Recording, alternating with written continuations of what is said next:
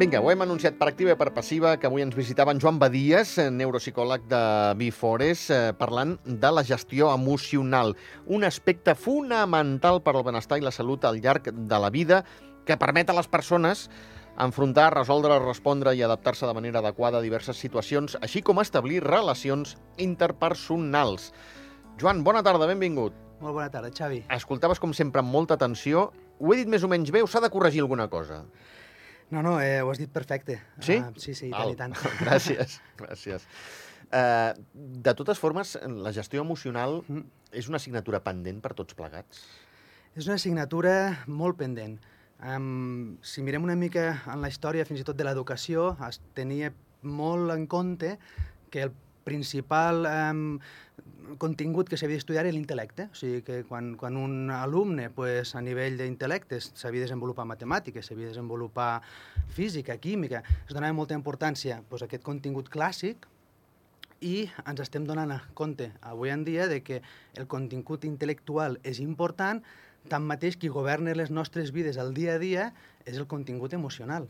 Sí. Perquè ens fem una idea, jo puc estar molt preparat a nivell d'intel·lectual per fer una classe de física, però si en el moment de fer la classe de física jo tinc un, un, un, un col·lapse i a nivell pues, sento por o tinc por, o, o em sento pues, apagat o tinc una emoció que en aquell moment em bloqueja, seré incapaç de pronunciar una paraula i no podré Correcte. accedir a aquell contingut. Sí, senyor. Per tant, el que ens governa el nostre dia a dia són les emocions.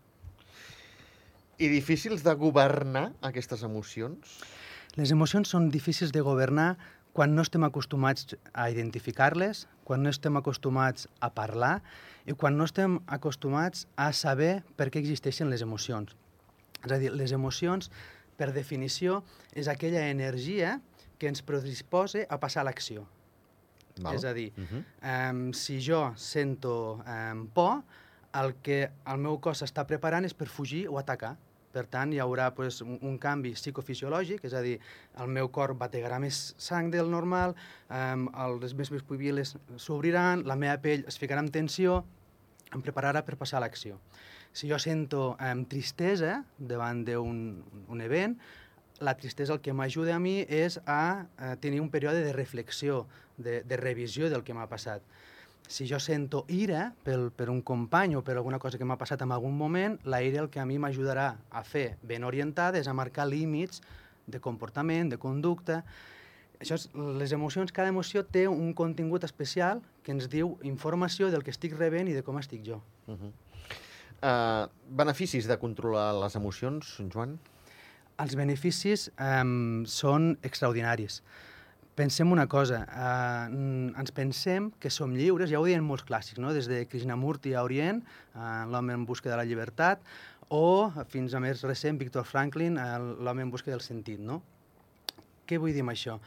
Ens pensem que en el nostre dia a dia som lliures i, i fem el que volem i tenim les conductes que, que desitgem, Tanmateix, quan mires seqüències del nostre, del nostre dia a dia, veiem que estem molta part del nostre temps reaccionant.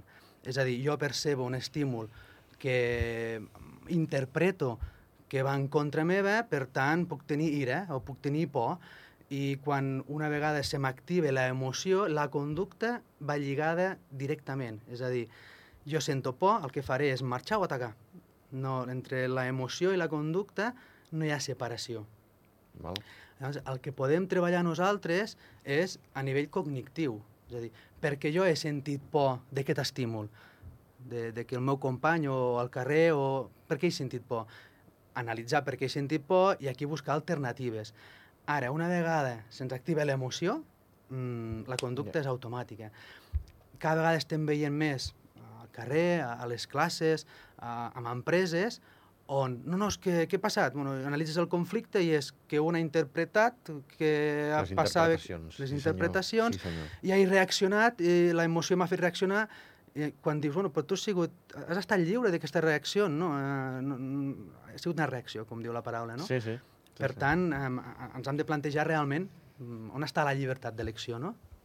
Aleshores, pregunto, si aquests beneficis eh, són bons eh, Mm. per, per, de controlar les emocions, hi ha algun truc, Joan, per controlar-les? Sí, sí, hi ha Sí, trucs. eh, fantàstic. Hi ha trucs, hi ha trucs. Hi ha trucs.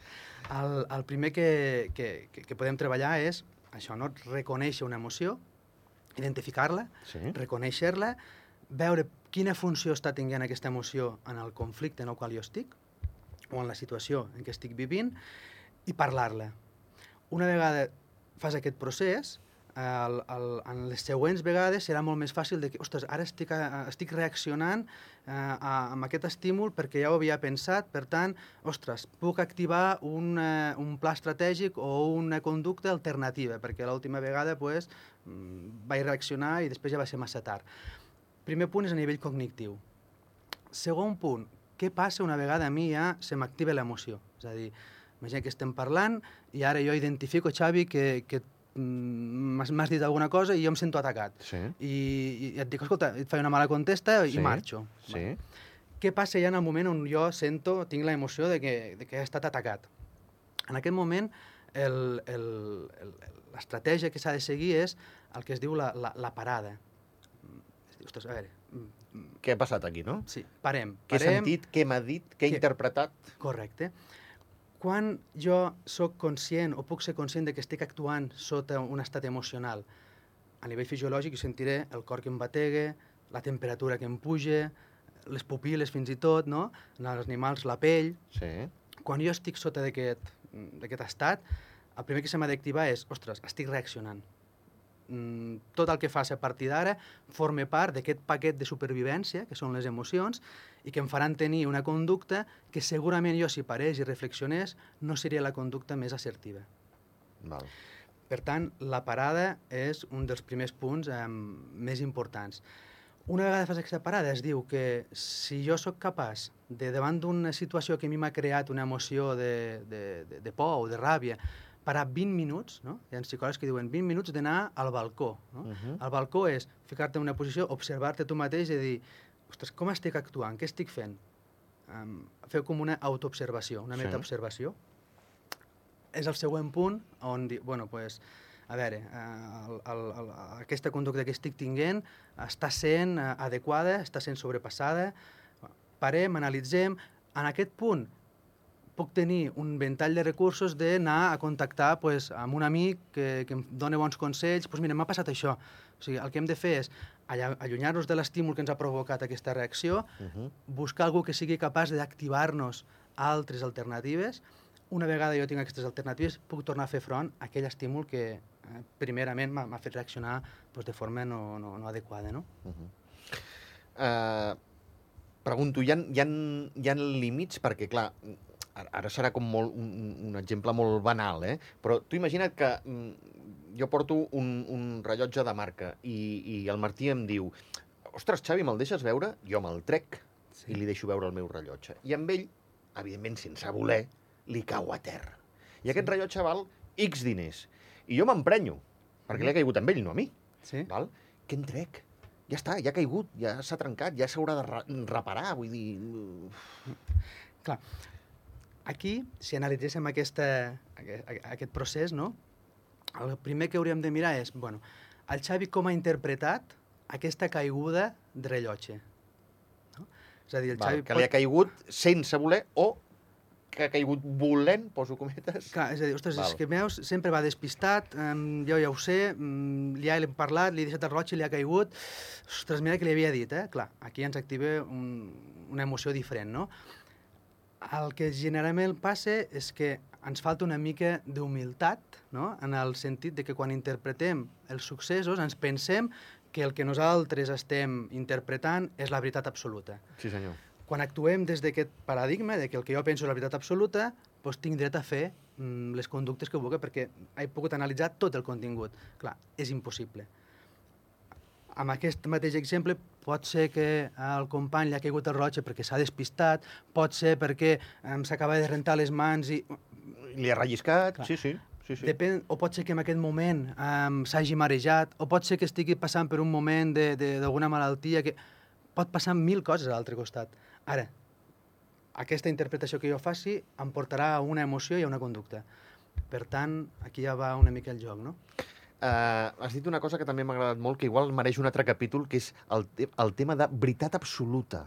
Ah. Per què l'ésser humà pensa que allò que diu o pensa ell és la veritat absoluta? és que és molt curiós, també, això. Podríem allargar-nos, no? Respon una mica a, a, a, a Narcís, per exemple, no? Al, al, soc el més guapo, em vull agafar a mi mateix. Sempre ens pensem, no? en tots els, els éssers humans en general, sóc una mica més llest que el meu veí, o sóc una mica més guapo, o sóc una mica més simpàtic, o sóc una mica més... El fet de pensar que som una mica més ens condueix a tinc la veritat absoluta perquè jo sé una mica més que tothom, jo tinc una més consciència de tot. Per tant, sóc capaç de jutjar amb més firmesa i amb més veritat. I la veritat eh, té moltes mirades, no? Jo et diré una cosa, eh, cadascú que faci el que vulgui, eh? eh jo tenim clar que, que no sé res, perquè em sembla que alguna vegada ha sortit aquí ja sobre la taula, mai m'ha agradat estudiar, he après molt escoltant, mm. molt. Si penso que tinc la veritat absoluta, poc escoltaré. Sí, sí, sí. De bon rotllo, aquí cadascú ja eh, faci el que vulgui, però és, jo he après és... molt escoltant, ho dic de debò. És així, és així. Hi ha un amic no, que em deia que tenim dos orelles per escoltar el doble del que parlem, no? Perquè si Mira, no tindríem, tindríem dos boques. Bona. I, I una conversa és eh, fructífera quan un eh, utilitza el 20% del seu temps parlant i el 80% escoltant. Tanmateix veiem que hi ha una necessitat de, de protagonisme o hi ha una necessitat de, de mostrar o hi ha una necessitat de, de voler saber... Però això ha sigut sempre, Joan, o és ara que s'ha disparat? Perquè jo ara ho veig molt exagerat, eh? que jo sóc millor que tu, que jo tinc mm, una vida més feliç que la teva, i que si tu tens allò, jo l'endemà he de tenir-ho millor que tu, eh? ho he de superar, i dius, però l'amor de Déu, però quines competicions més absurdes. Mm. Que podríem tirar, suposo, um, teològicament molt enrere, no? Sí que és veritat que el, el, el saber, um, això que dèiem, no? El, el, el, bueno, fins, fins a quin punt puc jo eh, estar pendent de eh, soc millor del meu veí, soc eh, pitjor... Mm. Clar, avui en dia te tenim molta tecnologia que constantment ens està comparant, no? Eh, jo puc penjar una foto um, a Instagram, per dir una de les, de les xarxes socials, la puc comparar amb el meu veí, constantment estem... Bueno, al final sembla que hi hagi hagut una pèrdua del sentit de la vida, no? I l'estem intentant omplir amb, amb emocions, amb sentir, amb consumir emocions, amb... Ostres, mira, ara em sento més important que el meu veí, ara tinc aquest el Però cotxe això, més... Això és el que no entenc, això és el que no m'entra al cap, Joan, veus? Això a mi em costa d'entendre. Tens el que tens, tu has guanyat eh, com tu has guanyat i honradament, evidentment, vull dir, eh? I, i escolta'm, i, i ja està, si el veí té més, doncs xapó per ell. Poder va estudiar més que tu. Correcte poder ha estat en el lloc indicat eh, més que tu, perquè algú pot pensar ara, no, jo he estudiat el mateix que aquell veí, ell té molt més. Bueno, doncs poder estar aquell dia, aquella hora on havia d'estar, mm. i tu no vas tenir la sort de passar per allà davant. Vull dir, ostres... Eh... Clar, quan, quan passem molt del nostre temps amb el dit senyalant a fora, eh... és una carència interior, no? Uh, al final és del que m'està passant en el meu exterior, quines coses tinc en el meu interior que facilite que això passi. I una carència un... i un complexe, Joan? Pot anar lligat, sí, pot anar lligat. Normalment, eh, quan, quan valorem el que està passant a fora més que el que està passant a dins, el camí és aquest, no? Per tant, el, el camí de, l'autoestima, de l'autoconeixement, el, el, el fet d'estar en silenci i, i el que dèiem abans, no? Quan jo estic en silenci, sóc capaç d'escoltar, sóc capaç de processar, sóc capaç... De fet, estem molt acostumats a omplir la nostra vida de, de, de, de soroll, no? per dir, de moltes mm -hmm. activitats, de moltes... per evitar una mica aquest silenci. I si mirem el nostre, el nostre dia a dia, quan nosaltres estem dormint, que és quan estem en silenci, és quan el cos es restaura, és quan el cos es cuida... És que és el més quan... maco el silenci, escolta'm, què vols que et digui? Però intentem eliminar-lo. Però no, ja no et dic dormint, eh? Tu, sol, a casa, a casa teva, digue-li les 7 de la tarda, les 8, les 10, l'hora que cadascú pugui. Mm. Eh, tranquil, aquí estic jo sol, ostres, sí, sí. et connectes amb tu mateix, no sé. Connect. Trobes bueno, en fi. aquelles petites veritats, no? Aquelles sí, petites sí. veritats de la vida i que et donen sentit. Però si estàs uh, avui en dia com dependent o, o, o dependent de les emocions, aquests espais de silenci, d'autoconeixement, que omplen el sentit de la vida, cada vegada són més petits i cada vegada són més difícils de, de, de, de crear i de trobar perquè els omplim amb, amb, amb addiccions d'estimulació, de, d'emoció, de sentir, de... i aquí va lligat pues, el comparar-me, el com em sento... Els joves amb aquest sentit ho tenen més fumut perquè és constant aquest bombardeig? Els joves ho tenen més, més complicat, sí. De Fo. fet, de fet eh, el, el, el que ja va començar Danny Goleman, no? Intel·ligència emocional, amb el seu famós llibre que va treure fa, fa molts anys, però actualment el, el, el, els, els menors o els adolescents tenen, no, no tenen espai de, de gestió emocional.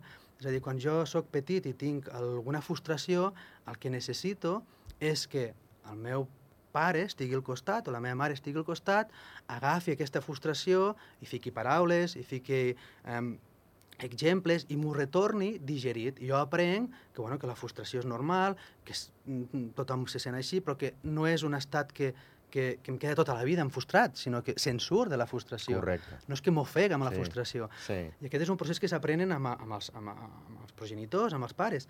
Avui en dia, cada vegada eh, hi ha molt poc espai compartit entre pares, progenitors, eh, entre fills, eh, molta immediatès, molta velocitat... Clar, tota, tots aquests factors fan que, que, que siguin de risc pels menors. I això es veu a l'escola, es veu a les empreses, per tant, és una assignatura... Jo preferiria no? ara tirar enrere i que en lloc d'haver après mm, una assignatura, no ficarem nom, però Sí. mm, o m'haguessin adjuntat gestió emocional. Perquè sí. finalment és el que el carrer ens ajuda a comunicar-nos, a l'empatia que dèiem, no? de- d'entendre l'altre, és el que, el que ens dona llaços d'entesa. De, de, de, de. Uh -huh. Eh, dos o tres qüestions encara sobre, el- que tinc sobre la taula. Què passa si no gestionem bé les nostres emocions? si no gestionem bé les nostres emocions, és com, com un vaixell, sí? al mig del mar, on quan no hi ha oles, el vaixell Sura? sure, quan hi ha oles depèn de com vagi la ola, anirà cap a un costat, anirà cap a un altre, quan hi hagi vent, depèn d'on bufi el vent, pues, o sigui, és un vaixell sense, sense, sense conductor. Quan tinc gestió emocional, jo no puc elegir el que em passarà, però sí que puc elegir la resposta que hi vull donar.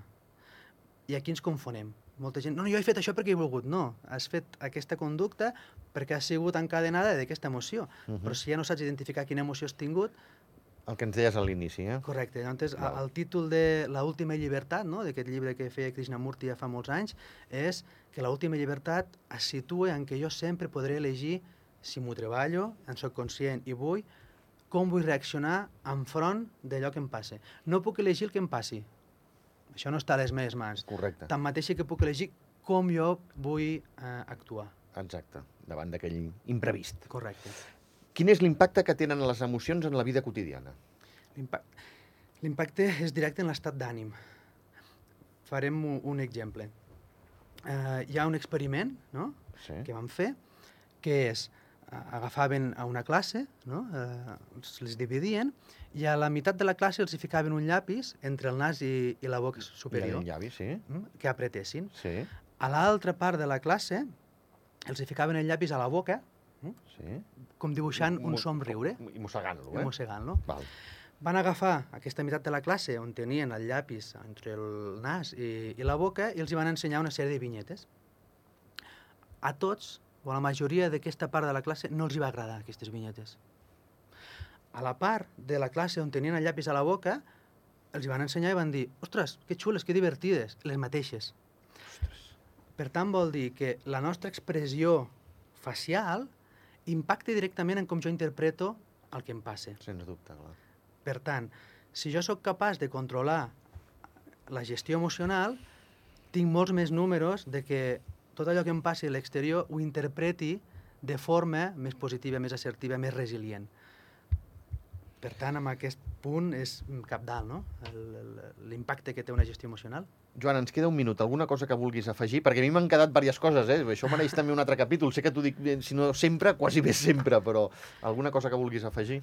Al, al final, és, quan estem, som eh, pares, tenim nens, nenes, escoltar l'emoció que ens estan dient, in, intentar arribar a, a l'origen de, del pensament que dona eh, camí o que comunica amb aquella emoció i treballar sobre aquest pensament. Quan som líders d'una empresa, eh, la gestió emocional ha de començar des de dalt cap a baix. La gestió, les emocions es, es, es traspassen. Eh, si jo estic content, Xavi, la meva cara et comunicarà tu alegria, estaràs més content, no? Hi havia a, a Walt Disney, no?, a, el, a París van fer un programa i van dir, ostres, és que la gent ha d'estar contenta, els treballadors. I els van dir, bueno, el primer que ha d'estar content és el líder. Clar, clar. perquè per contagi tot l'equip acabarà sent mm, manifestant alegria. No? Va, ens quedem amb això, que hi ha moltes empreses al país i molts comerços. Aquest contagi que vagi de dalt cap a, cap a baix. Joan Badies, eh, neuropsicòleg de Bifores, moltíssimes gràcies, de debò. A vosaltres. Que vagi molt bé. Gràcies.